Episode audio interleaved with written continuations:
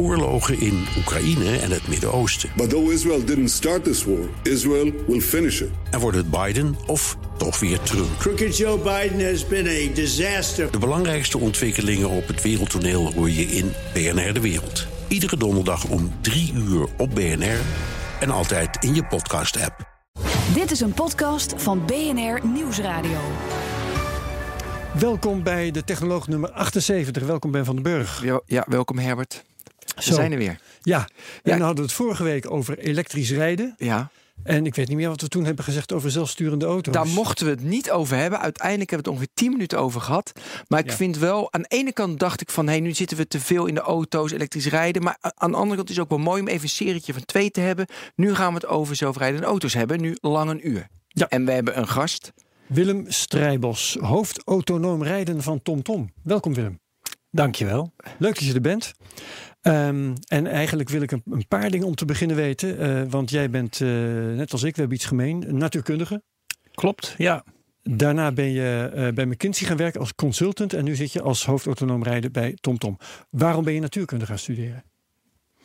Ja, dat was eigenlijk niet zo'n heel moeilijke keuze. Ik wilde graag iets doen wat heel moeilijk was. Mhm. En iedereen zei, als je dat wil, dan moet je natuurkunde doen, want dat is het allermoeilijkste. En je vond het makkelijk? nee, ik vond het vond het eerste jaar moeilijk. Ja. En dan had ik echt na zes jaar middelbare school, dacht ik van, ah, weet je, er is echt iets meer. Eh, maar het tweede jaar was meer van hetzelfde en vond ik niet... eh, Ja, ja, ja, ja. ja. En zat jij ook in, in zo'n studiejaar met, met allemaal gasten voor wie natuurkunde helemaal niet moeilijk was? Iedereen altijd tienen gehad voor eh, natuurkunde op de middelbare school? Nou, nee.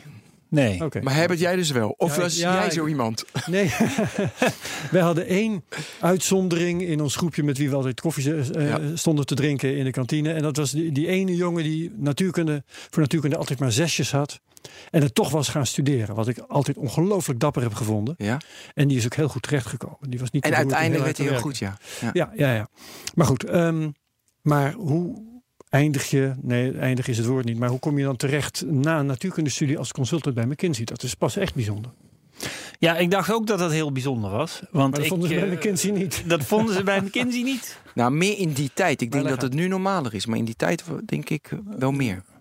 Maar leg uit. Ja, ik, eh, ik was het studeren natuurkunde en eh, ik deed mijn, eh, wat nu master thesis heet. Dat heette toen allemaal nog anders. Doctoraal, Doctoraal. onderzoek. Ja. En eh, dat vond ik eigenlijk niet zo heel leuk. Er waren dingen die pas over twintig jaar een keer eh, realiteit zouden worden. En dat, eh, dat vond ik te lang wachten. Dus ik denk, ik moet wat anders doen. Maar ik had nog niet heel veel om me heen gekeken. Dus ik ben een beetje met bedrijven gaan praten. Die hadden, dat hebben, zullen ze nu nog hebben. Die hadden destijds van, van die business courses. Dat je vier, drie, vier dagen op pad ging. Dat deed ik bij een aantal bedrijven. En een van die bedrijven was ook McKinsey. Dat was een tweedaags iets. En denk, nou ja, weet je, ik schrijf me voor al die dingen in. Dan zie ik een beetje wat er allemaal is. Eh, en ik mocht komen bij McKinsey. En eh, tot mijn grote verbazing had, stond ik daar te praten met eh, Pieter Winsemius. Kijk, en zelf natuurkundige. En die wist mij uit te leggen dat meer dan de helft van de mensen bij McKinsey een beta-achtergrond heeft. Mhm. Nou, dat, had, dat wist ik niet en dat had ik niet gedacht. En ik voelde me daar op mijn plek. En ik ben aangenomen. ehm, dus, eh, en ik heb dat tien jaar eh, volgehouden. Dus, eh, Oh, het wel volhouden was het. oké, nou, het is hard werken, ja. juist. ja. Dat in ieder geval. Bij TomTom niet, hè? Bij Tom Tom ook, ja. Ook, ook. Toch ook, ja. ja. Eh, want hoe ga je dan vervolgens naar TomTom? Ehm, nou ja, na, een, eh, na tien jaar bij McKinsey eh, wou, hè, komt er toch wel wat op je pad. En eh, ehm, denk je van, ja, moet ik niet eens wat anders gaan doen? Hè? Je hoort wel eens mensen dan binnen McKinsey praten over de echte wereld. Want ja, als je een adviseur bent, ben je een adviseur. Ja, of je wordt partner, dan ga je vol voor de partnercarrière. Of Ja. dan uiteindelijk, als je dat niet kan of niet ambieert of niet, als dat te ver weg is, dan ga je om je heen. Dan moet je wat anders. Nou, Ja. hoeft niet, maar dan, dan is het bijna kansloos. Ja, Toch? Ja, de, de, ja dus, Dus voor jou geen partnership, dus je moest om je heen kijken. Nou, ik, ik, eh, ehm, eh, ik vond het uiteindelijk te beperkt ook wat je daar doet. Dus je bent te weinig, zie je de resultaten van waar je mee bezig bent. Ja. Dus je bent drie maanden ergens binnen en eh, dan gaan we doen. En dan, eh, dan ga je weer naar het volgende. En sommige van die dingen hebben wel twee of drie jaar nodig om tot, tot echte impact te komen. En dat hoor je dan te weinig van, of zie je te weinig van. Of... Was je toen al veel met digitaal bezig? Met, had je klanten of projecten dat, waarbij je de digitale transformatie moest maken? Of in die tijd, ik weet niet welk jaar het was. Dus, of, Van 2000 tot 2010. oh ja, dus dat deed je vol. Ja, ja, ja. Ja. Ja, en in het begin deed ik eigenlijk eh, eh, allerlei industrieën, banken en eh, eh, vliegtuigbouwers, Telecom. en telecom en eh, verzekeraars, noem maar op. Maar dat was al vrij snel, ging dat eh, naar dingen die met technologie te maken hadden. Dus nog steeds wel veel telecom. En uiteindelijk eh, wereldwijd heel veel ehm, semiconductors, halfgeleiders. Dus echt advies in die industrie. Ja, ja. Maar ja, dan, moet je, dan doe je het wereldwijd. Eh, dus ik zat in China en in Silicon Valley en in Europa. En dat was ook een van de redenen dat ik zei van ja, dat reizen, dat is niet meer te doen. Eh, ik had jonge kinderen. Die zijn in 2008 en 2010 geboren.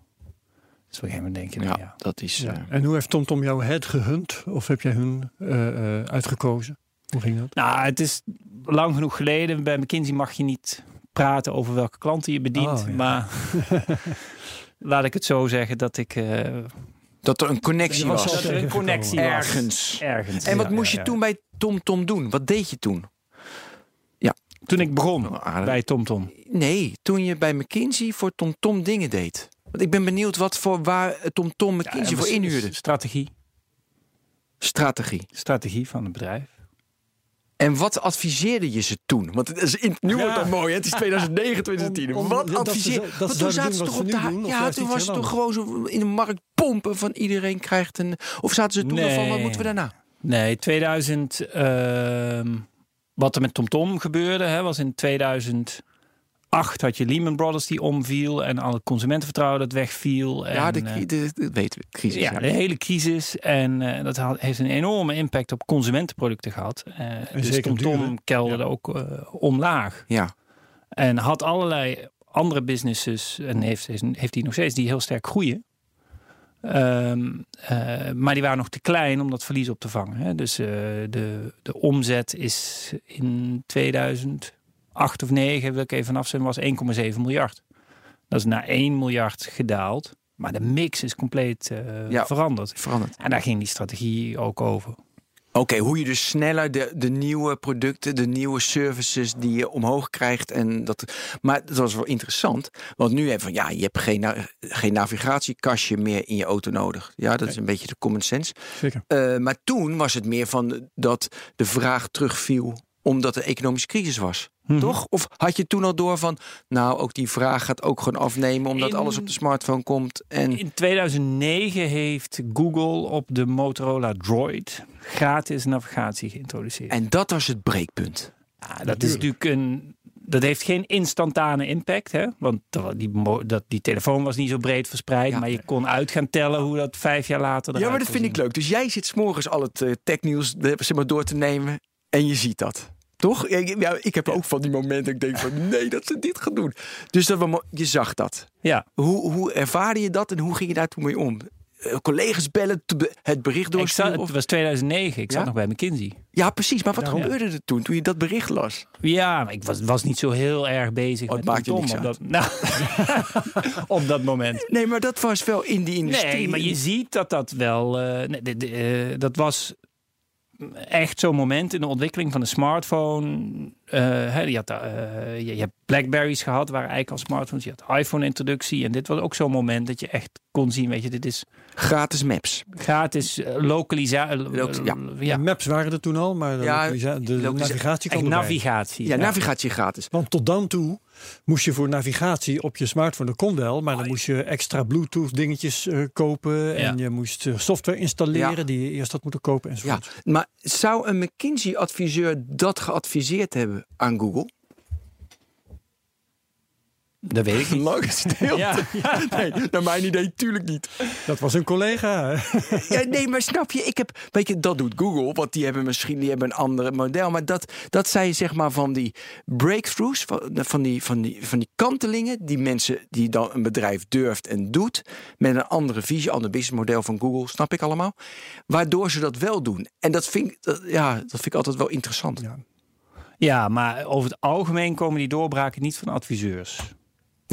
De technische Hè, doorbraak die, die komen Nee. toch vanuit mensen die dicht tegen het product aan zitten, Ja. dicht tegen de En technologie. had je toen behoefte aan, ook was dat ook een breekpunt dat je behoefte had van, hé, hey, ik, moet, ik moet wel bij, hem, want dan kan ik, hoef ik, kan, kan ik wel dat soort beslissingen nemen van die breakthroughs. Ja, dat zijn meerdere van dat soort momenten. En op een gegeven moment denk je dan in 2010 van, eh, ja... eh, ik, ik wil meer met de vingers aan de knoppen zitten. Ja, zit ik hier maar te adviseren. Ik Ja. wil zelf beslissingen nemen. Ja. Hey, ehm, nu dus eh, autonoom rijden. Ja. Is autonoom rijden onvermijdelijk? Eh, ja. Oké, waarom? De, de economische en maatschappelijke benefits zijn, zijn zo groot. En dat gecombineerd met de miljarden, tientallen miljarden die er nu in, in geïnvesteerd worden, betekent dat daar gewoon iets uit gaat komen. En maatschappelijke benefits, dan bedoel je waarschijnlijk dingen als het is veiliger. Het is veiliger. Dat is natuurlijk de, de, degene die altijd als eerste wordt aangehaald. hè. 1,2 miljoen verkeersdoden per jaar in, over de hele wereld. Dat kan een stuk minder. Het is ook, er zijn allerlei soort van secundaire effecten die vaak genoemd worden. Misschien heb je ze gehoord of niet. Maar ehm, die auto's kunnen leeg rijden. Dus je hebt veel minder parkeerplaatsen nodig. Een stad kan er compleet anders uit gaan zien. Als je straat of een hoger... parkeerplaats. Ja, Ja, daar kun je natuurlijk ook niet altijd al die auto's eh, gebruiken. Nee, maar ze kunnen wel eh, buiten de stad parkeren. Ja, Want ja, je ja, kunt ze op ja, ja, ja. afroep eh, Ja. laten komen. Ze hoeven er geen je rondjes kunt te het allemaal veel beter. Maar ja. dan heb ik direct al, en misschien heb je nog meer voordelen. Maar ik direct al, denk je echt dat, dat level 5, dus echt dat hij met een appie, ik roep mijn auto op en hij komt op de Dam in Amsterdam, Moeten komt zo even die aanrijden? levels netjes eh, afwerken. Ja, maar ja, zullen we doen? Vraag helemaal af. Denk je, e- ik, voor mij is dat nog echt ver weg als ik met de experts praat. En, of denk je echt dat eh appje ni- in de, eh, op de Dam, dat hebben we binnen vijf jaar? Of tien Nee, jaar? dat heb ik niet gezegd. De vraag Nee, was of het de- onvermijdelijk was. En dat denk ik wel. En Wanneer dat precies gebeurt, is ook is altijd een interessante vraag. Hè. Ehm, sommige van die dingen gebeuren nu al. In Phoenix, Arizona doet Waymo precies dit. Ja, Ja, weet ik. Ik heb gewoon het nu. gezien. Ik Ja. heb het gezien. is Ja, maar dat, nu. ja, maar dat is niet de Dam in Nee, Amsterdam. maar dat is nee, experimenteel. maar dat, ja, nee, dat is niet meer experimenteel. nee, Nee, het dat- is niet commercieel ook. Het is nog niet commercieel, maar het is al op een schaal. We hebben het over duizenden voertuigen over een paar steden. Dat is niet meer Ja. eh 10 of 20 of 50 voertuigen. Dat gaat, Maar die dat gaan is dus echt groot. zichzelf parkeren buiten de stad. Om het even helder te krijgen. Die auto's van Waymo en Phoenix, ehm, ik weet niet precies wat die doen als ze geen. eh, Maar het is wel met een app. Ik heb die filmpjes gezien, inderdaad, een app. En je roept hem op en Je klaar. roept hem op en eh, klaar. Je Maar goed, zitten en er zijn natuurlijk heel veel experts die zeggen van... ja, dat is, dat is mooi, maar het centrum van Moskou, het centrum van Amsterdam... Ja, is, nou, is natuurlijk een andere. Dus technisch kan het daarmee. Ja, en, maar dat is in Phoenix, Arizona, waar het altijd mooi weer is, nooit sneeuwt. eh, Ja, echt geen Wil je even als die zelfrijdende auto zeg maar, op de Dam van Amsterdam... en het klassieke voorbeeld, maar nu heb ik een expert, dus kan ik het vragen... en je gaat, wil rechts afslaan en er staat een fietser aan de binnenkant... Normaal met een menselijk oog gaat de mens even aftasten. Ga fietsen, ga je voort? Nee, oké, ik zwaai even. Oké, ja, maar voor. Nee, nee, ik ga toch. Weet je, dat is even een heikel punt. Een zelfrijdende auto, ja, die blijft dan eeuwig stilstaan. Want ja, dat gevoel heb je niet. Hoe lost een zelfrijdende auto dat op? Dus dat menselijke even, ja of nee? Ja, die gaat er ook zijn dingen voor hebben. Dus je kunt eh, ook zonder oogcontact kun je signaleren. Dus je kunt een heel je auto twee centimeter vooruit laten rollen. Daarmee signaleer je aan de fietser dat je wat gaat doen, maar heel langzaam. Fietsers stoppen dan vaak al, hè, want Ja. dat is in beweging waar ze naar kijken. Je hoort ook eh, bedrijven die bezig zijn met, eh, eh, met lampjes of iets, weet je wel. Dat gewoon aangeeft van ik ga nu eh, die afslag maken. Geluidjes. Geluidjes. Ja. Maar ja, jij hoeft dat niet op te lossen, want TomTom maakt Nee. geen auto's. Nee, maar wel de software voor die auto's. Dus dan moet je toch wel oplossen? Wij, wat wij maken is de eh, car-to-cloud-to-car map service. Dus wij verzamelen data uit auto's, zowel uit onze eigen eh, auto's als ook eh, camera's die meer en meer op de weg komen. Dat verwerken we in de cloud en wij leveren weer een map service terug aan die auto's. Dus wij, wij vertellen eigenlijk continu hè, hoe ziet je omgeving eruit. Wat heb je om je heen en wat betekent dat? Dus de software die het daadwerkelijke zelfrijden doet, die komt van een andere supplier. Juist. En die dus Die, die de die beslissingen neemt. die, dat is wat anders. Dat is Nvidia, die maakt de hardware dan. Ja. En de software die daar opgeschreven, dat zijn die i, eh, iMobile, hoe heet ze? Eh, die partij uit Mo- Israël. Mobileye Ja, precies, schrijft, Mobileye. is die- ja, eh, precies. ja, die- ja. die- maar jullie doen dus alleen het map-gedeelte. Correct, ja. Dus bij mijn, ik, eh, ik heb een Tesla. Dus mijn, krijg je ook van Tesla die gegevens? Dat denk ik niet. Nee. Nee, te- ja, ja of nee, weet ik niet. Al dat soort dingen vallen onder Oh, eh, NDA. NDA's. Nou, ja. Oké, maar dan kan je. Oké, jij krijgt. Even voor het verhaal is het mooi. Jij krijgt die. Jij krijgt de map. Stel. ja. Stel. Jij krijgt die map. Nu al dat het zo is. Jij krijgt gek telefoontjes. Jij krijgt die map data van Tesla. Ehm, en dan analyseer jij hoe ik gereden heb en wat er op die weg op dat moment aan de hand was. Dan analyseer ik waar je allemaal langs reed, wat de beleiding op de weg was, welke verkeersborden er stonden, waar er stoepen zijn, waar er eh, bomen staan, waar er andere soort Maar de omgeving eruit Ja, ziet. maar niet die auto die van rechts kwam. Waar ik, waar ik voor stopte. Dat ik hem van de autopilot afhaalde en Nee, verstopte. Nee, want Nee. die is geen onderdeel van de Het is dus alleen maar belangrijk wat jij gewoon. Je kan ook gewoon Google Maps inzoomen en dan weet je het eigenlijk ook. Of een drone laten vliegen, weet je, weet je eigenlijk ook hoe die weg eh, eh, eh, met de beleiding eruit ziet. En ja, ik probeer even precies te. Ja, nee. ehm, je kunt dat niet uit satellietbeelden of drone halen, want dan heb je vaak veel te weinig 3D-informatie, veel te Oké. 2D, En ook te weinig resolutie, denk te ik. weinig resolutie. Eh, Dus jullie optimaliseren dus constant de map. Ja. Oké, As we drive, zal ik maar zeggen. ja. ja, maar toch niet in real time. Dat is toch weer een nieuwe update en die breng je dan. eh, ja, je mag geen klanten noemen, maar De, de visie is real-time. ja, uiteraard. Ja, ja. Ja. Ja, dat vind ik ook gaaf dat je dat gaat doen. Ja, dus. eh, Heb je daar vier geven veel- nodig of vijf? Met vier kan het al. Met maps toch wel, is toch Nou ja, zoveel het, data. het, het eh, downloadgedeelte naar de auto toe kan al met 3G. Daar heb je niet zo heel veel bandbreedte voor nodig. Want, je, Hmm. Want wat je, download je naar die auto? Ja, eh, een nieuw bord grafisch bijvoorbeeld. je downloadt eh, het relevante stuk wat je nodig hebt. Dus als jij, het is maandagochtend half acht, je stapt in de auto, zul je weer naar je werk gaan. Dat weet zo'n auto dan op een gegeven moment wel. Dan, dan eh, download je dus het gedeelte naar je werk en je, of je, je eigenlijk je controleert of de kaart die je nog hebt, of daar wijzigingen op zijn naar je werk toe. En dan download je alleen de verschillen. Dus het gaat Ja. niet om heel veel data. Maar bovendien is het toch een, een soort lijnenstructuur. En niet Ja, zozeer ja, ja. Een, Nee. een grafische 3D Nee, het, het is eh, een, een vectorkaart. Ja, vectorkaart. Juist, dat is het. Van- Hey, en ehm, het heet geloof ik HD-mapping of iets dergelijks. Ja. Wat is er precies HD aan die mapping? Als De- het is geen, hè, want bij HD denken wij aan, aan eh, heel gedetailleerde video, maar dat is het dus niet. Nee, maar het is wel hele hoge resolutie. Dus eh, op een navigatiekaart is een eh, vijfbaans snelweg, vij- vijf rijstroken elke richting, Ja. is, zijn twee lijnen. Hè, twee dunne lijnen. Dat is op een Ja. navigatiekaart. Misschien hangt er nog meta-informatie aan dat het vijf rijstroken zijn. Ja. Maar in, in een HD-kaart zijn alle details van die vijf eh, rijstroken zijn uitgetekend. ja. En je moet ook weten wat op welke strook je zit. Je moet weten wat voor strook Wat, wat je je nu niet weet met GPS bijvoorbeeld. Hè? Tenminste met de meeste GPS. Nee, dus dat niet. weet je met GPS niet. Dus we moeten ook weer in die kaart speciaal data stoppen om te zorgen dat je weet in welke rijstrook je Waarom zit. moet een zelfrijdende auto eh, in zoveel detail weten waar die is? Eh, waarom moet dat HD zijn en hebben we niet genoeg aan de kaarten die we nu hebben?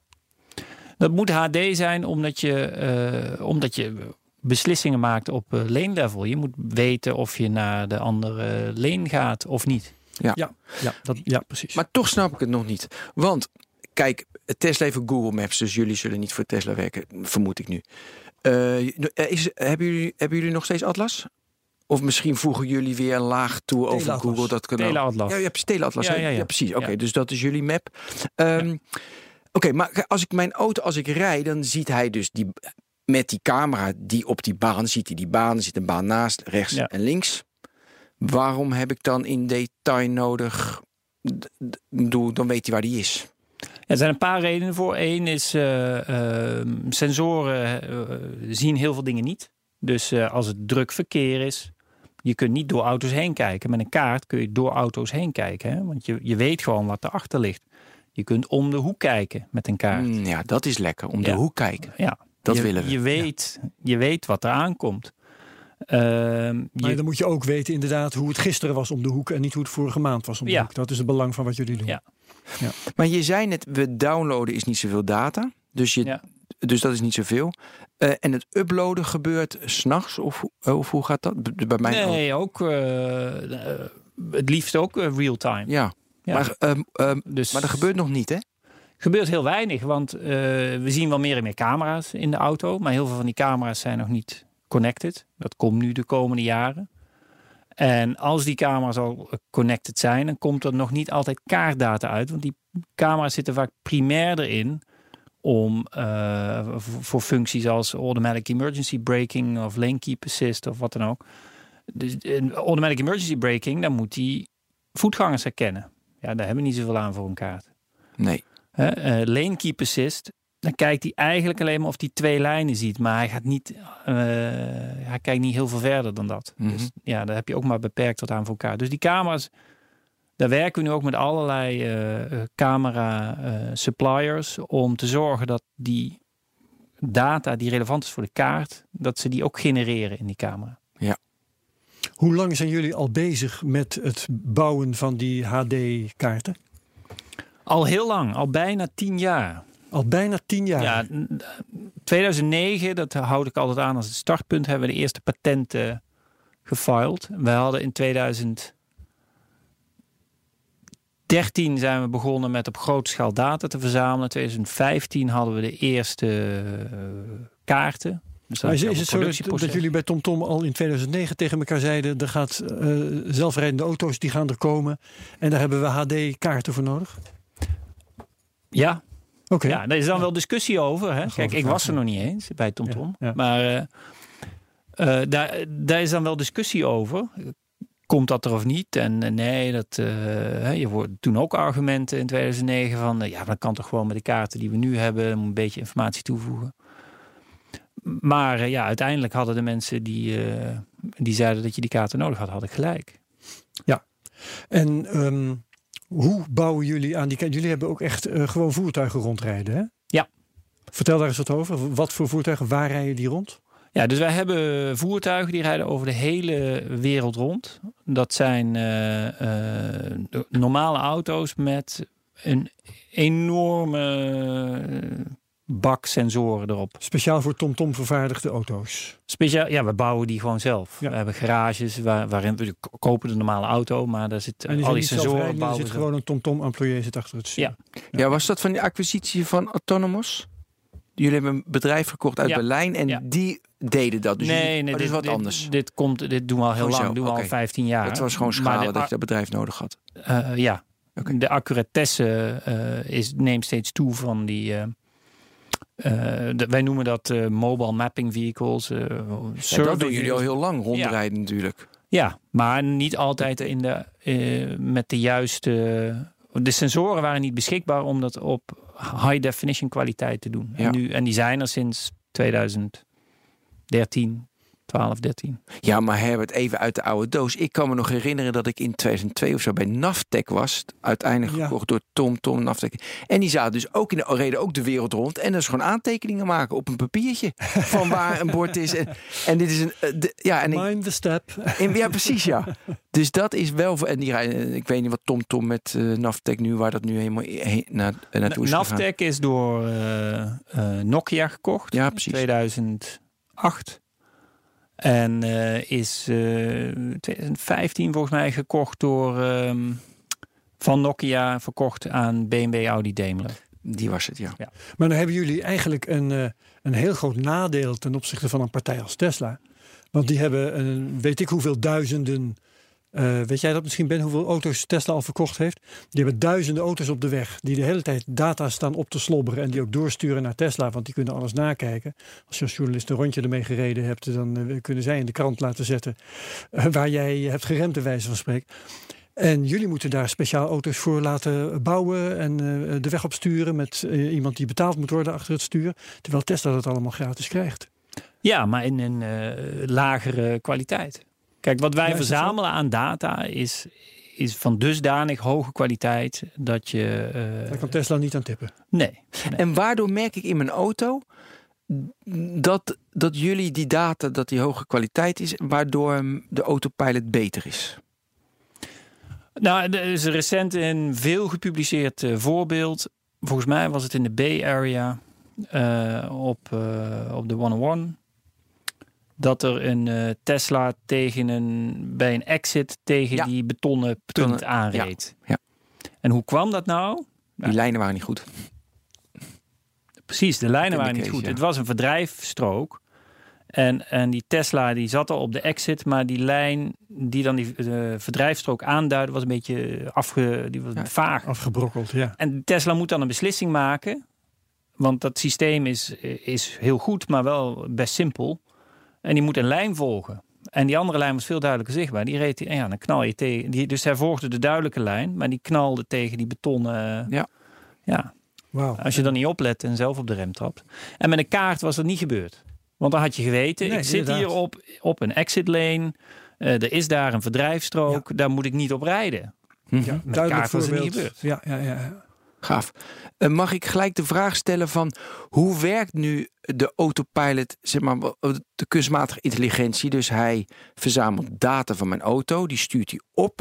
Eh, gaan ze dan bij Tesla of een ander bedrijf, gaan ze dan simulaties de, eh, eh, zeg maar, draaien van waar het optimale kan en dan krijg ik een update over mijn auto, dan is die beter.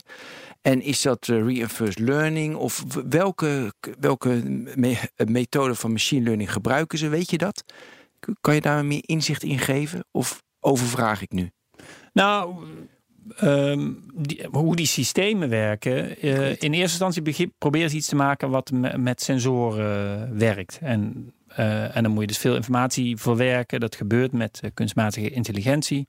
Probeer je ook in de auto al, al te doen. Hè, al die dingen te herkennen. Die je om je heen ziet en daar chocola van maken. Wat, wat is nu de volgende beslissing die ik moet nemen? Maar Ja, dat is helemaal ja en nee. Hè? Dat is auto zover ik stop. Dat is alleen maar een ja-nee beslissing. Dat is Ja. niet een optimalisatie van... eh hey, nu kan ik wel iets dichterbij. Of nu kan ik niet dichterbij. Dat is al een yes or no zeg maar, beslissing. Eh, in het zeg maar, algoritme. Klopt hè? Ja. Ja, oké. Ja, ga maar door. En ehm, eh, Tesla is wel het een en ander over gepubliceerd. Wat die bijvoorbeeld doen, is die verzamelen ook data. Maar dat is op, uiteindelijk vrij beperkt. Die weet, die, als jij niet in autopilot rijdt, dan draait hij toch mee op de achtergrond. Hè? Ja. En daar leren ze een boel van. Bijvoorbeeld als je een tunnel inrijdt, heb je heel veel radarreflectie. En dan weet je dus, dit is een tunnel en dan kun je niet, al, dan kun je niet afgaan op radar. Terwijl die radar belangrijk is voor die autopilot functie. Maar dan moet je toch even afgaan op camera. En dat slaan ze op en dat sturen ze dan weer naar alle Tesla's. En eh, dan weet dus Voor de- dat specifieke plekje. voor dat specifieke plekje. En ehm, ze, dus al die. Maar is dat zo? Dus al mijn data eh, dus verzamelen en draaien ze simulaties van de ideale weg om het beter te maken. Ik zal één voorbeeld geven. Als ik, eh, er zijn bochten die die niet kan en bochten die die wel kan. Krijg ik een update. Er zijn de bochten die die wel kon, kan die ineens niet meer. Levenslink. En bochten die die niet kon, die kan die ineens wel. Denk ik, nou, maar, weet je, maar dat is best wel, heet het weer wennen. En eh, ze denk ik van, ja, je had beter die, die al kon, had je beter zo kunnen laten. Draaien ze dan, zeg maar, hebben ze gewoon de weg hier in Nederland van hey, die weg rijdt die meneer iedere dag en ik op. Hoe gaat zoiets daar intern? Hoe weet je, ja, Ja, ja ik, dat gaat ik, weet ik ook Tesla. wel. Ja, maar, nee, maar zou ik maar zo graag weet- willen ja. weten. Want jij bent uh, autonomous keer- Maar ik kan het naar expert. kaart toe trekken. Want Ja, precies. Ja, Ja, breng naar want- elkaar toe. Kijk, als je al die data hebt, als je dus weet waar iemand rijdt en met welke snelheid hij door een bocht rijdt. En ook wat voor. eh, Tuurlijk, ze hebben die kaartdata van jou nodig. Dan zien Ja. ze die bocht Ja. van hey, je rijdt altijd met 70 doorheen, dan moet je Ja. te hard remmen en die, eh, en die redt hij niet. Ja. ja, ik heb ook Tesla eh, gereden eh, om te testen hoe goed dat systeem is. En je ziet dat die in bochten echt niet eh, goed is. Ja. Hè, als er een andere auto voor je zit op, Onuit, on autopilot. op Ja, autopilot. ja, Ja, ja. ja. Dat ja, het ja, nee, in zijn algemeenheid kan. is het een, nee, eh, dat het beter kan. Nou, is soms op het gevaarlijke af. Je moet, maar dat, dat zeggen ze natuurlijk ook, weet je. Iedereen moet, eh, je, moet als mens blijven opletten. Ja, en dat klopt ook. ja. Dat klopt. Ik bedoel, Ja. ze, be- ze beloven niks te veel hoor. Ik vind het eh, het beste dat is systeem tussen waar ik mee gereden het moeilijkste wat er is. Niks te doen hebben en toch blijven opletten. Ja. Maar goed. Ehm, Ja? Wat, eh wil jij nog hier nog verder mee doorgaan? Ja, uren. Maar, maar, maar jij mag geen meer eerst. Ik wil eigenlijk gewoon in het algemeen weten... wat zijn nou nog de problemen die je moet oplossen? Ja, de problemen waar wij eh, eh, waar we nu mee bezig zijn, is eh, op een aantal vlakken. Eén is om het uitbreiden van onze eh, coverage. Dus wij hebben Geografisch bedoel je? geografisch. Oké, ja. dus we hebben Dus hond- meer wegen moeten bereden worden. Ja, meer landen misschien zelfs. Nee, er Ja, moeten, meer, we- moeten meer wegen in de kaart. Ja. Ja. We hebben nu honderdduizenden kilometers, maar er zijn in de wereld eh 60 miljoen kilometers weg. Zijn er nog echte witte plekken of moet alleen de hele wereld nog in meer detail? Het, met name naar de. Mongolië Dus wij, wij beginnen. eh, wat we nu hebben is Europa, Amerika, Zuid-Korea, Japan. Ja, maar. Willem, dat ga je toch nooit redden? Afrika moet nog even. Nee, maar ik denk even aan Google met al die Google-autootjes en het onbeperkte geld dat ze hebben. En dan denk ik, Tom Tom gaat ook ergens in Noorwegen op een achterafweggetje. Ja, dat is echt kansloos. Ja, overtuig me alsjeblieft hoor. Maar, want ik wil graag overtuigd worden. Ja, nee, we- wij hebben ook die autootjes net als Google.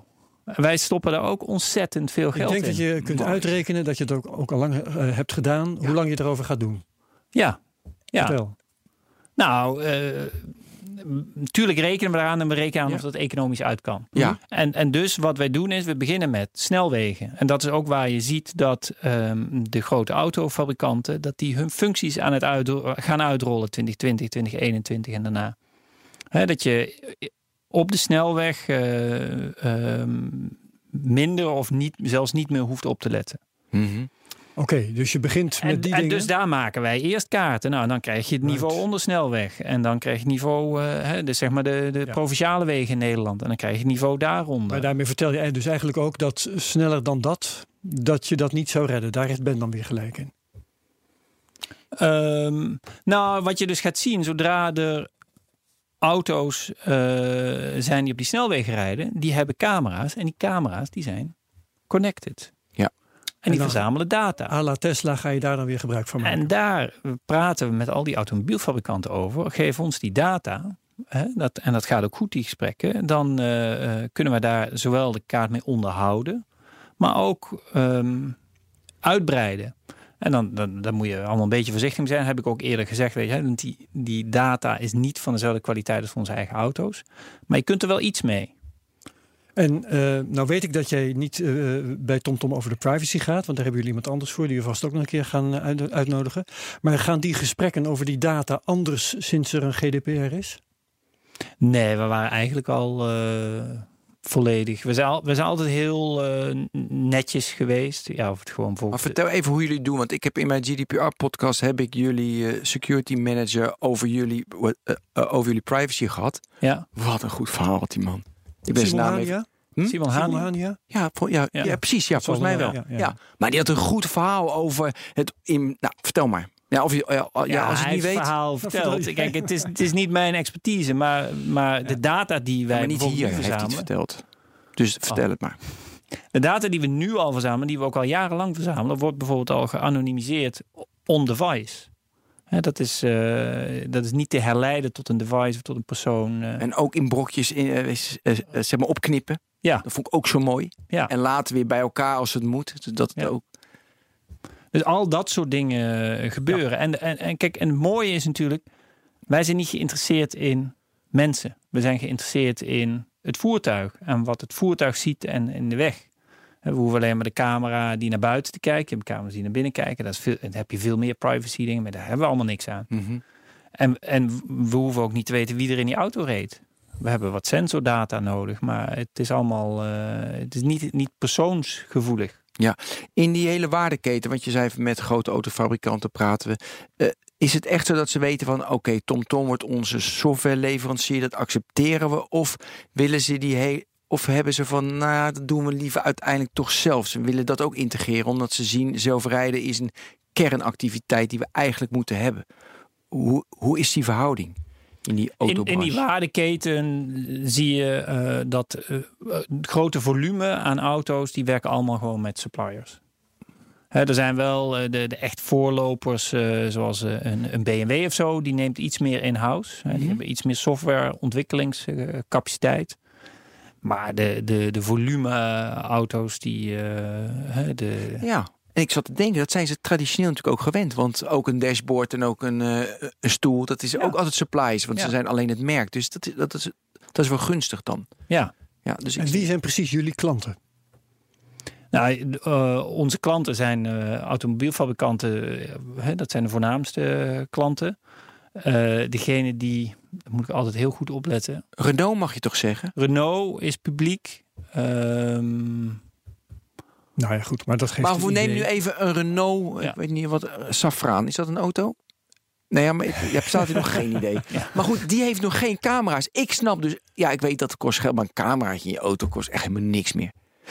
Want eh, weet je waar ik me nu echt aan stoor? Bijvoorbeeld eh Adaptive Cruise Control. Ja? Ja. Direct verplicht stellen. Direct. Bedoel, dat scheelt zoveel doden en zoveel ongelukken. En dan begrijp weet je, een gordel, zeg maar airbag, dat is een voorloper. Waar, weet je, kan je daar niet even iets aan doen? dat ligt bij de, hoe die dingen verplicht gesteld worden. Is bijvoorbeeld via Euro NCAP. Hè? Dus via sterrensysteem. Als je Adaptive Cruise Control hebt, dan krijg je een half sterretje erbij. Of een aantal punten op die schaal. Ja, maar dat blijft allemaal best wel gedoe. Jij zegt gewoon... Dat blijft eh, gedoe, ja. maar de- daar zit wel, eh, daar gaat wel, eh, de automobielfabrikanten kijken daar wel naar. En ik begrijp ook wel dat een regulator niet wil zeggen wat veilig is. Hè? Een gordel, een airbag hebben ze er ook gedaan. Ja, ik vind dat Ben Ja, maar, maar dat, dat Maar gaat Ben, allemaal via. Ja, Willem via is hier kaarten maken. Ja. ja dat is waar Ja, dat soort kaart. dingen. Ik kan jou niets verwijten. Nee. ehm, je- je- Maar als ze die kaarten nou verplicht stellen, hè? Ja, wat dan? Nou, dan zou ik heel blij zijn. Maar, ja, maar is dat veiliger? Ja, dat is veiliger. Ja, ja, ja, nee, dat is Ja, want hebben- veiliger. ja, want dan kun je om een hoekje kijken. Ja, En dat al, soort al dingen. die, en achter die auto die voor je rijdt. ja, bij druk verkeer kun je door. Nee, dat is echt Ja, maar dan moet dus wel al die te- eh, Renault Safra moet dan wel dus een camera's hebben. Hebben ze niet geïmplementeerd. Moeten ze, uh, de moeten ze connected zijn. Is niet zo. Weet je, dus da, Komt allemaal Nee, nog, maar dat komt allemaal. nog. Hey, eh, jullie klanten zijn dus de autofabrikanten, dat snap ik. Ehm, wie zijn jullie concurrenten? Er is eh, eigenlijk maar één partij die we tegenkomen al- op het, specifiek op het gebied van het bieden eh, voor high definition maps. En dat is eh, hier. Dus dat is de partij vroeger De oude Navtec. Navtec, ja, oude. Oh ja. Dat is de e- enige partij. eh, bezit van, wat was het ook weer? Eh, BMW, BMW, Mercedes. En, ja. ja. ze hebben meerdere. BMW, Audi, Daimler. En die hebben later nog eh 5% aan Bosch en eh, Continental verkocht. En Intel. Ehm, Hoe groot is die en- markt totaal in jouw Excel-sheet? Daar heb ik echt benieuwd naar. De, eh, de- wat analisten zeggen. Ja. Dus ik ga niet zelf die Excel sheet Doe maar maken. dat doen. Ja, weet je, zo, dat soort jongens die zeggen in eh 2030 is dat 10 miljard. De markt voor eh, high definition mapping, voor data services. Nou, Ja. nou, Zo, niet, niet direct de zelfrijdende auto als geheel, maar Nee, maar je mapping de eh, ding. Ja. Ik zit te denken, want met TomTom, De hele markt is 70 miljard volgens een aantal van die analisten. met Dus zelfrijdende auto's. nee, dat Nee? is het, het systeem. Dus dat is de hardware, de software in de auto plus kaarten. Dus 10, 10 van Maar de die- hardware doen jullie niet en de software doen jullie Nee, niet. wij doen die. Dat Nee. is wel interessant, hè? Want TomTom komt natuurlijk van hardware. Dus dan zou je denken van, Ja. hé, hey, ik pak dat hardware erbij, want het- dat is ons DNA. Want daar wil ik het straks over hebben, over het Swift van product naar service. Ehm, be- bewuste keuze, te lastig die hardware of waarom? Nou, hardware verkopen we al, al jaren niet meer. Hè? Want je verkoopt toch die kastjes nog? Doosjes eh, zijn Ja, in, eh, in eh, een automotive. Ja, dat bedoel ik. Ja, maar wij verkopen dus wel eh, consumentenelektronica. En Dat, eh, hè, Ja. dat, maar eh, voor Renault hebben we ook echt hardware gemaakt. En voor anderen ook. Maar dat verkopen we al. Ja, dat, zit nog wel in auto's, maar dat, we verkopen dat geen nieuwe Nee, deals maar de vraag is, waarom niet? Want je bent hardware gewend voor consumenten. Dus dan vind ik het logisch dat je hardware gewend bent. Dan weet je, weet je wat je daarmee moet. Dus dan kan je dat mee verkopen. Maar dat doe je niet. Dat heeft een reden. Nee, die, die hardware deden we in, dus, dus dat is, dan heb ik het niet over de navigatiekastjes die je bij de Mediamarkt Nee, weet ik. Dat Nee, ja. in de auto Echt ingebouwd, die deden we omdat dat nodig was om die systeemdeals te winnen. Maar zodra dat niet meer nodig was, zodra het voldoende gescheiden was, Ja. dan gaan we naar software. Want die hardware, flinterdunne marges. Ja, ja, ja. ja. Bill Schaal- Gates zei het al. Begin nooit niet. aan hardware, jongens. In auto's. Ja, kijk maar naar, eh, kijk maar naar dat bedrijven die dat doen. Die zijn er ook wel goed in. Die hebben grote volumes, maar die hebben maar een paar procent eh, marge. Terwijl je hebt software en data. fles voor je het in de gaten hebt. Denk aan HTC bijvoorbeeld, weet je wel. ja, Ehm, Oké, eh, concurrent eh, is dus eh, hier. Ja. Hoe, hoe fel, hoe ingewikkeld is die concurrentiestrijd? Nou, dat is wel eh, eh, ingewikkeld, maar, eh, eh, maar gaat de goede kant op. Waarom jullie? is het ingewikkeld? Ja, gaat de goede kant op voor ons. Het is ingewikkeld omdat zij in meerderheid eigendom zijn van BMW, Audi, eh, Daimler. Dus dat maakt het ingewikkeld, want ja, dat, Als er ja. gebruik van maakt. Ja maar, ja, maar dan kun jij de rest pakken. Ja, dus da- dat is waar wij. eh, Ja. eh, wat, wat we zien in de markt is dat de argwaan is bij andere autofabrikanten van. Ja, maar goed, dan gaat dus de, al mijn data ook naar. ja, daarom. Naar de concurrent. Naar de concurrent. eh, BMW, eh, Ja. Daimler enzovoort. en wij worden als onafhankelijk gezien. En, dat, eh, dat en wel. bovendien zijn wij technisch ook leidend. Nou, dit, dat wij in 2009 met die patenten begonnen, ja, dat, dat deed hier niet. Wat voor type patent is dat? Noem eens iets dat, wat ik niet bedenk. Dat ik denk, ja, dat is een patent, dat, zit erop. dat patent waar, dat, dat gaat over lokalisatie. Ja. Dus wij eh, we wisten toen dat als je die hoge definitie kaarten gaat maken, dat GPS niet goed genoeg zou zijn. Ja. Maar hoe doe je dat dan? Want je hebt niks aan een kaart als je niet weet waar je bent in die kaart. Ja. Je moet dat op je telefoon, je moet een blauw puntje zien. Dus eh, hoe doe je dat? Nou, dan gebruik je dus ehm, eh, andere, gebruik je sensorinformatie en die vergelijk je met data die je in je kaart opslaat. Maar ja, daar wil je er niet te veel van hebben. Je wil niet een foto nemen en die gaan vergelijken, ben ik op die plek. Dus we hebben toen iets te veel bedacht. bandbreedte nodig en, Ja. en te veel rekenkracht. Dus we hebben toen iets bedacht. Dat heet Road DNA. En dat is een, een, een, een, een plaatje van een dieptekaart van de zijkant van de weg. Maar dan naar vrij grote pixels eh, gebracht. Dus de stoeprand en ehm, de stoeprand, maar ook hoger, ook bomen en Ja. guardrails. En eh, ehm, als er een viaduct is, wat dan ook. Al, al die dingen. En dat, dat blijkt heel weinig data te zijn. Enkele tientallen kilobytes per eh, kilometer. En dan blijkt, je blijkt je er heel nauwkeurig mee te kunnen lokaliseren. Als je dat ook kunt... eh, eh, Je moet dat dus ook genereren in de auto. Niet op dezelfde precisie, maar wel op een redelijke precisie. En dan vergelijk je die twee en dan weet je waar je bent. Zowel in welke rijstrook je zit, maar ook waar je op die rijstrook zit. Mooi zeg. En, dat, dat was dus het eerste patent. Ja. ja hoeveel, hoeveel zijn er nog gevolgd? Ja, dat gaat allemaal in families. Hè, dus hier zijn nog allemaal eh, dingen aangehaakt. Nee, maar goed, zijn er nog tien patenten gekomen of nog duizend? die, nee, nee, eh, meer orde grootte tien. Ja. en heer moet dat gebruiken nu, dit.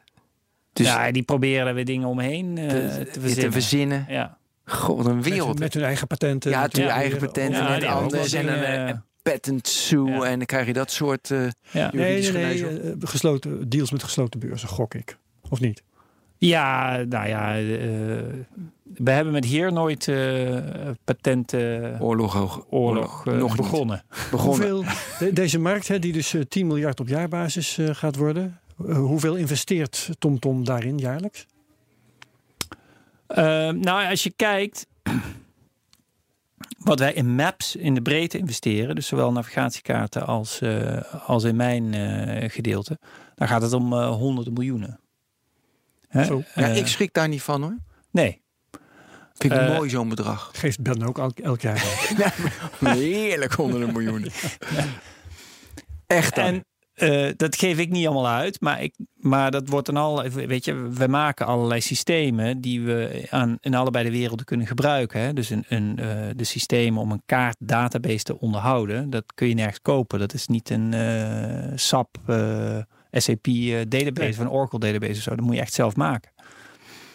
En dat systeem gebruiken we allebei. Dus dat- ja, dat, dat gebruiken we voor allebei de kaarten. Eh, dus eh, ja, we geven er honderden miljoenen aan uit. Eh, als wij die auto's hebben rondrijden om data te verzamelen, is ook niet goedkoop. Ja, dat maken we niet alleen maar kaarten voor autonoom rijden mee. Dan halen we ook natuurlijk data uit Ja. voor navigatie. En mag ik over de transformatie product naar service?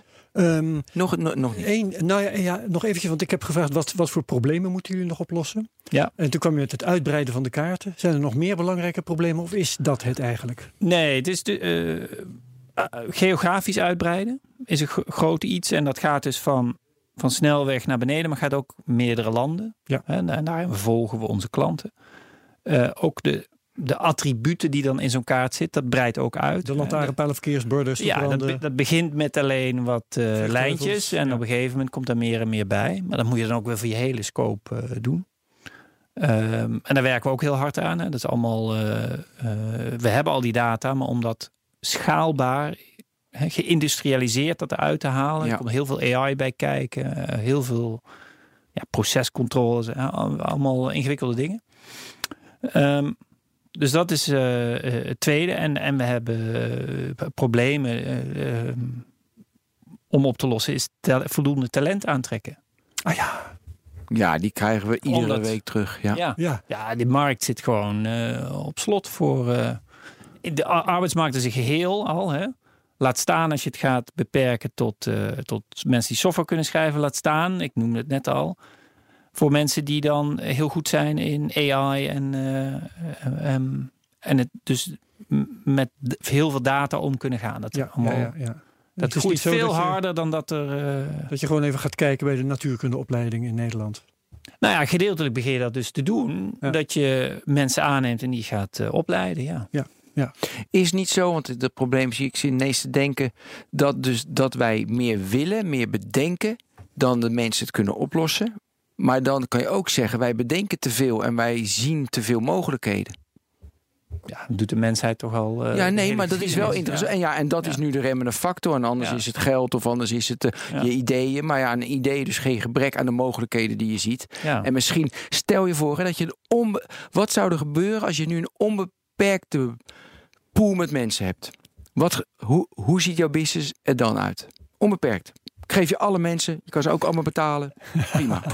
Nee, maar wat maak je dan? Nou ja, dan ga ik eh, een, eh, een eh, stuk sneller. Hè? Want dan met name. ehm, eh, Ja, dat zeg jij. Oh, nee, ik, ben te, ik ben nu te agressief, sorry. ik het, gaat, het is niet zo dat je met eh, tien keer zoveel mensen tien keer zo snel gaat. Nee, want je moet ook gewoon weer nieuwe dingen uitdenken. En er moeten systemen zijn die het allemaal kunnen verwerken. Industrialisering kost tijd. Hè, dat Ja. heeft gewoon doorlooptijd. Maar we, we worden echt wel eh, teruggehouden. Ja, oké. maar ik zei dat zeg je, want ik zat te denken... oké, dan heb je dus overal die auto's rijden, ook in het noorden van Noorwegen. Je kan die data beter processen. Je kan Ja. allemaal slimme algoritmes en dan nog allemaal mooi, allemaal top. Maar dan eh, denk ik even aan jouw klanten. Want op dit moment de zelfrijdende auto's... eh, Mercedes met de S-klasse doet het aardig. A8, eh, Audi doet het aardig. Dan houdt het al... Nou natuurlijk, weet je, Tesla weten we. Maar dan houdt het best wel op. Dus ik zie nog niet bij jouw klantensegment zie ik nog niet dat ik denk van wow, die HD-kaarten zijn er. Dus wat ik net zei, dan moeten in die Renault of een andere klant moeten die camera's komen en die sensoren komen en die connectie komen. Dus jij kan het dan allemaal voor elkaar hebben. Maar de remmende factor in jouw business is ook gewoon jouw Ja. klanten die niet meegaan. Dus dan heb je onbeperkt heb je mensen. Goed ja, en je klanten die hebben van ja, fijn, dankjewel. Ook nog even een probleem, Willem.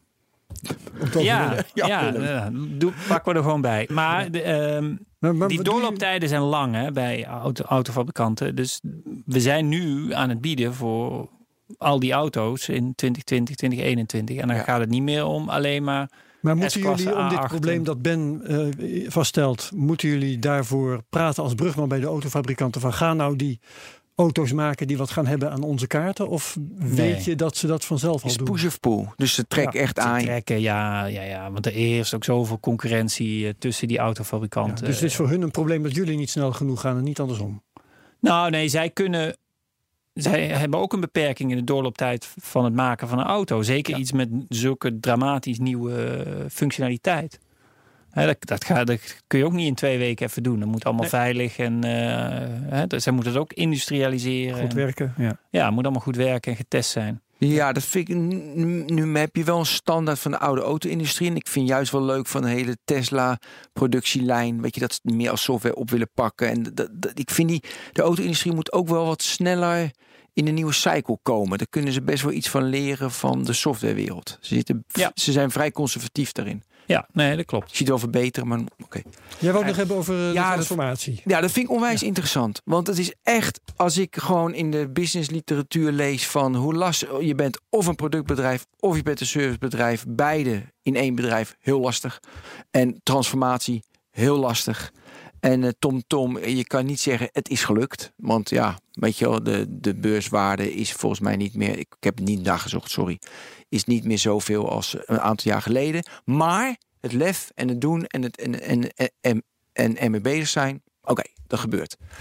Kun je iets vertellen over ehm, die transformatie?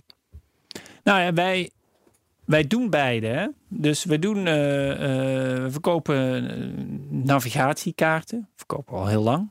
Ja, maar dat is natuurlijk... Ja, nou, maar dat is echt een product. eh, en als je die niet update in je auto, weet je, dan gebeuren er geen hele dramatische dingen. We, we vinden dat ze vaker geüpdate moeten worden, maar ja, je, Waarom gebeurt dat niet automatisch eigenlijk?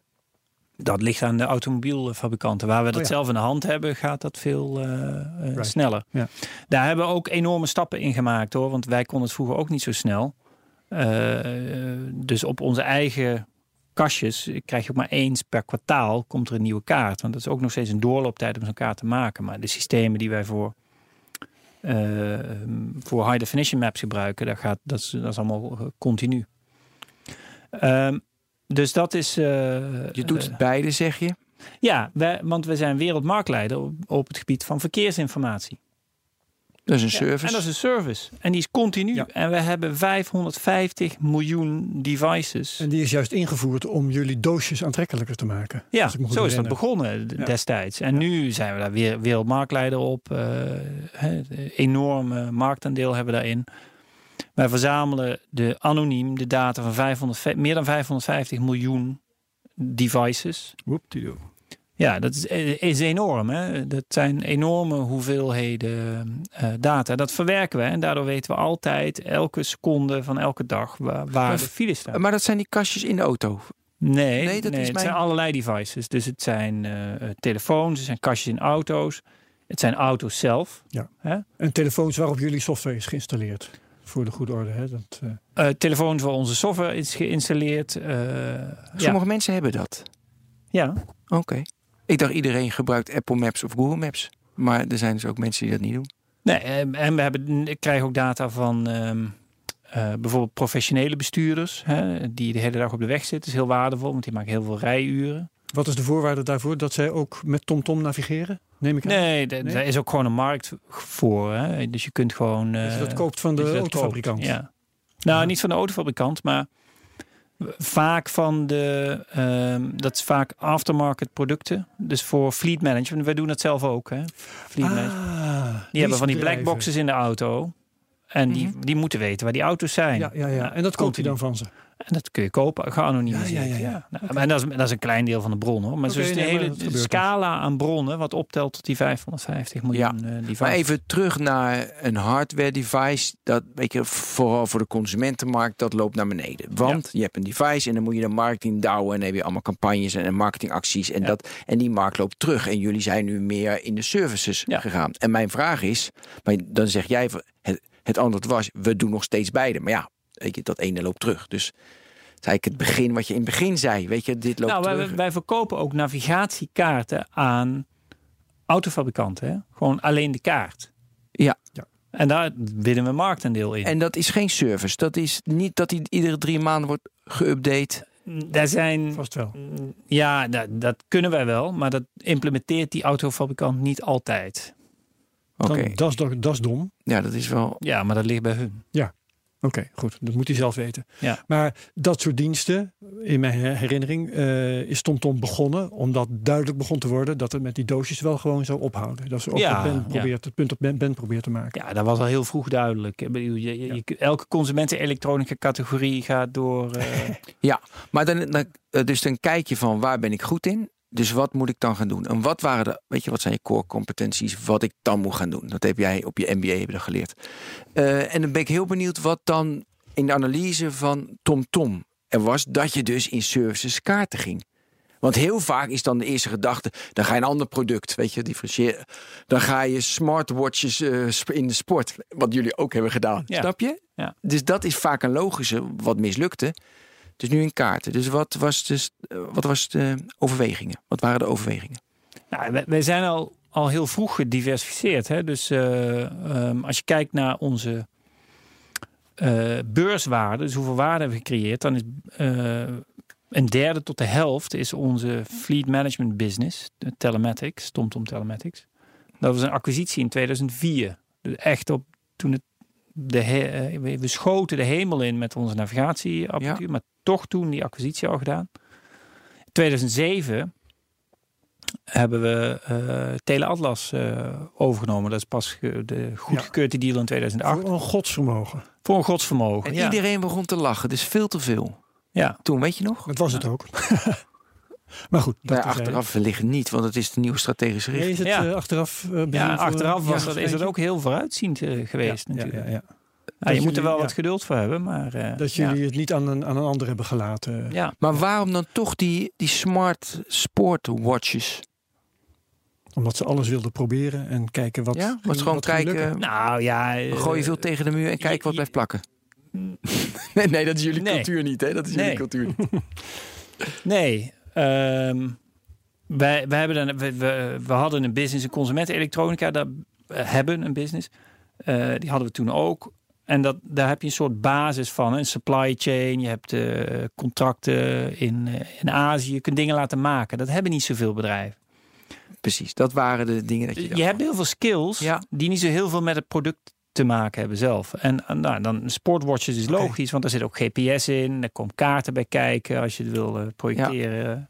Waar daarom je wat dat- jullie konden maken zonder al te veel nieuwe dingen te bedenken. Ja. Ja. Ja. Heel goed. Ik wil wat over cultuur mensen. Heb je andere type mensen nodig? Ja, dan weet ik zeker dat het zo is. Maar kan je daar iets over, eh, iets, eh, iets over uitweiden? Van mensen die producten wegstampen. En nu heb je al die eh, nou, natuurkundigen nodig. Kun je in die, in die transformatie, kun je daar iets over vertellen? Ja, als je ziet, zoals ik al zei, we zijn natuurlijk al. TomTom Tom heeft die acquisitie al tien jaar geleden gedaan. Dus we hebben, sinds die tijd hebben we mensen in huis die niet zozeer in eh, hardware producten voor consumenten denken, maar in, in, in services en in data. Eh, en dat is een andere mentaliteit. Dus je kijkt wat dat dan richting high definition maps nog weer extra betekent. Ehm, dat betekent eh, qua cultuur en capabilities moeten de hoeveelheden data nemen zo toe dat je dus veel meer met artificial intelligence gaat werken. Dat is echt een andere manier eh, van, van denken, hoe je problemen oplost. Hoe anders? Hoe anders? Nou ja, als je tien jaar geleden een verkeersbord wilde herkennen, hoe gebeurde dat dan? Dan had je een plaatje en dan wist je, ja, een verkeersbord is rond, driehoekig, achtkantig. Dus ik ga, kleuren. Ja. ik ga eerst eens zoeken of ik ergens hele, ik ga alle pixels een waarde geven. En waar zit er een heel groot contrast? Want dat is vaak een, een rand. En als ik die randen heb aan, aan elkaar plak, kan ik dan die randen tot een van die vormen doen. Dat En- ging toch langzaam. en dat Het gaat bijna, langs. het is bijna puzzelen, ja. Ja, En nu? Hoe gaat het nu dan? En nu eh, doe je dat met behulp van eh, AI. Dus je, je, je, wij hebben honderden miljoenen van die plaatjes waarop wij Ja. Machine learning. ja. verkeersborden hebben. En, eh, dan eh, daar train je netwerk op. Maar dat is echt heel anders denken. Hè? Dat netwerk doet overigens hetzelfde. Hè? Die gaat ook naar randen kijken. En weet ik wat. Als je dat een beetje, dat kunnen we inmiddels een beetje ontleden. Die zoekt ook randen eh, in de eerste stappen. En, eh, maar gaat allemaal. eh, Ja, zitten er veel mensen bij jullie die eh, helpen met die training? Want ik heb gelezen dat bij Facebook, Google, vooral bij Google zitten er ook heel veel. Die hebben gewoon meer mensen die gewoon ja, nee, klopt wel, klopt niet, klopt wel, klopt niet, klopt wel, klopt niet. Waardoor je hem traint. Eh, hoe zit dat bij jullie? Ja, we hebben ook eh, we hebben duizenden mensen in, eh, in India, eh, zowel zelf in dienst als bij eh geoutsourced, die, eh, die labelen eigenlijk. Gaaf hè, Herbert? Dat, vind ik zo, dat vind ik zo interessant dat er gewoon mensen nu... Bedrijfseconomisch Ja. wel. Ik ben blij dat ik Ja. dat werk niet hoef te doen. Ja, maar die labelen, dus, ja, niet Ja. wel, niet wel, niet. Dat vind Ja. ik zo dat dat nog. Wanneer is, zijn die mensen wegge? Kan je iets verzinnen? Wanneer zijn die mensen? Ja, ik, ga- ik ga er geen tijd op plakken, maar wat je ziet is dat die steeds moeilijker en hoogwaardiger eh, werk gaan doen. Hè? Ja. En dat je dus ook gaat beseffen dat eh, het netwerk is zo goed als je labeler. Als je labeler heel slordig labelt, gaat het netwerk dus ook heel slordig worden. Wow, dat is... Ja, dus, eh, dus daar zijn we, ben- zijn we dan mee bezig om die kwaliteit omhoog te krijgen. Garbage in, garbage out. eh, Ja. dan. Ja. Maar dat is interessant. Dan heb je dus ook heel veel kapitaal nodig om dus heel erg goed te worden. Weet je, daarom zeggen ze van dan kan je hier als kleine 100 partij in miljoen, Nederland inderdaad. Nee, want je moet al die mensen laten labelen. Ben, eh, heb je nog veel te vragen? Nee, eh, hoe ver zijn we? Nou, 59 minuten. Nou, dan zijn we. Ik, ik ben klaar. Ehm, wanneer gaan wij achter het stuur iets merken van jullie werk, van jouw werk? Ja, ehm, al heel snel. Maar dat hangt ook een beetje vanaf hoe je wij eh, definieert. Wij automobilisten. Wij automobilisten, ja. ehm, dus als je nu kijkt waar wij nu voor bieden, dat komt allemaal 2020, 2021 komen er gewoon dingen op de markt. Ja, en dan zitten wij. eh, Eerst in de duurdere auto's natuurlijk. En Ja. dan druppelt dat langzaam naar beneden. Ja. Spannend. Eh, We zien er heel erg naar uit. En we zijn ook heel blij dat je je hier hard voor maakt. En dat jij je energie in je leven hier aan spendeert. Want je gaat heel veel mensen heel blij maken. Dank u wel daarvoor. Dankjewel. Einde Willem, was dit. Willem Strijbos van TomTom. Tom. En dit was Technoloog nummer Heel erg bedankt. 78. Ja. Ben van den Burg ook bedankt. en tot volgende week.